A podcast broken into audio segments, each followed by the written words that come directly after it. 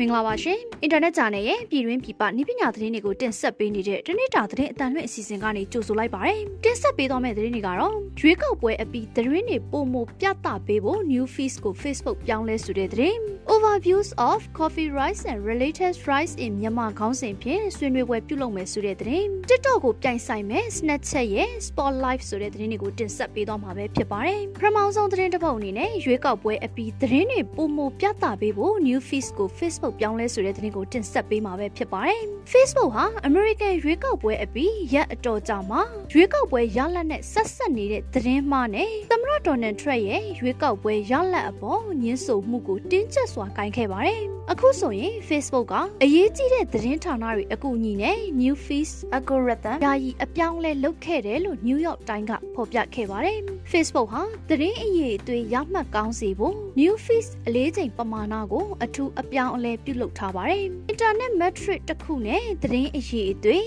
ယုံကြည်စိတ်ချရမှုရှိမရှိတိုင်းတာပေးပါတယ်။အဲ့ဒီနီလန်းကြောင့် Facebook သုံးစွဲသူတွေက The New York Times, CNN နဲ့ NPR လိုမျိုးသတင်းဌာနကသတင်းတွေပုံမမြင်ရပေမဲ့ဗတ်လိုက်တဲ့ပျောက်ကြားသတင်းတွေကိုတော့အတွေ့နည်းသွားပါတယ်။သတင်းမှားနဲ့လွဲမှားတဲ့အချက်လက်တွေကိုလည်းတွေ့ရတော့မှာမဟုတ်ပါဘူး။ ဆက်လက်ပြီး Overviews of Coffee Rice and Related Rice in Myanmar ခေါင်းစဉ်ဖြင့်ဆွေးနွေးပွဲပြုလုပ်မယ်ဆိုတဲ့သတင်းကိုတင်ဆက်ပေးမှာပဲဖြစ်ပါတယ်။စာပေမိုဘိုင်ခွင့်ဆိုင်ရာစုပေါင်းစီမံခန့်ခွဲတဲ့အဖွဲ့အစည်းဖြစ်မြောက်ရေးကော်မတီကစီစဉ်ကျင်းပမယ်။ Overviews of Coffee Rice and Related Rice in Myanmar webinar ခေါင်းစဉ်နဲ့အသိပညာပေးဆွေးနွေးပွဲကိုနိုဝင်ဘာလ29ရက်ညနေ9:00နာရီမှာ Zoom Video Conferencing စနစ်နဲ့အသုံးပြုပြီးတော့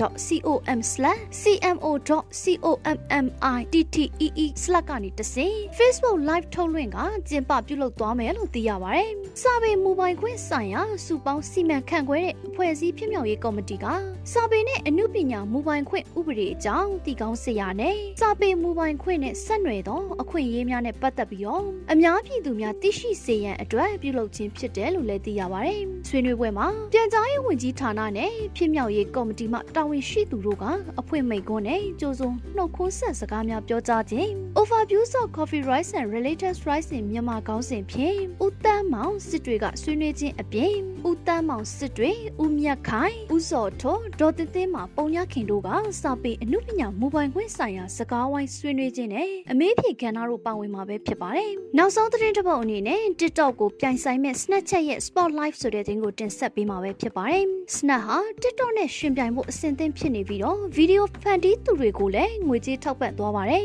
။ Snap ဟာ Spotlight အမီရကဏ္ဍကို Snapchat ထဲထည့်သွင်းခဲ့ပါတယ်။ Spotlight ဟာဟာတာဗီဒီယိုနဲ့နေ့စဉ်ဘဝပုံစံဗီဒီယိုအတူလေးတွေဖော်ပြပေးပါမယ်။လူတွေအစီအမြဲ post တင်ဖို့ Snap ဟာ2020အကုန်အထိနေ့စဉ် app ပေါ်ကနာမည်ကျော်ဗီဒီယိုဖန်တီးသူတွေအတွက်ငွေကြေးဒေါ်လာတသန်းခွဲဝေထောက်ပံ့သွားပါမယ်။ ဒါကြောင့်တစုံတစ်ယောက်ကပေါက်ဗီဒီယိုတင်ရင်ဒေါ်လာတသန်းတဲ့အစိတ်အပိုင်းရရှိပါမယ်။ပေါက်ဗီဒီယိုတင်သူက subscriber အများကြီးလည်းရှိစရာမလိုပါဘူး။ Spotlight ကိုတော့ Snapchat ထဲမှာထည့်သွင်းသွားပါတယ်။ American, UK, ပြင်သစ်, Germany နဲ့ Australia အပါအဝင်နိုင်ငံပေါင်း12ခုမှာဖြန့်ချိထားပါတယ်။ အဲ့ဒီထဲမှာမြင်ရမယ့်ဗီဒီယိုတွေကစက္ကန့်60ထက်မပိုသလိုရေးစားလည်းထည့်သွင်းလို့မရပါဘူး။အခုတင်ဆက်ပေးသွားတဲ့သတင်းတွေကနိုင်ငံတကာနဲ့ပြည်တွင်းမှာရရှိထားတဲ့နည်းပညာသတင်းတွေကိုအင်တာနက်ဂျာနယ်ကနေတင်ဆက်လိုက်တာပဲဖြစ်ပါတယ်။အခုလို COVID-19 ဖြစ်ပေါ်နေတဲ့ကာလမှာပြည်သက်တွေအနေနဲ့လည်းကျန်းမာရေးနဲ့အာကစားဝန်ကြီးဌာနရဲ့လမ်းညွှန်မှုတွေနဲ့အညီလိုက်နာဆောင်ရွက်ခါနေထိုင်သွားလာဖို့တိုက်တွန်းလိုက်ပါတယ်။ကျွန်မကတော့ဝေမြင့်မှုပါ။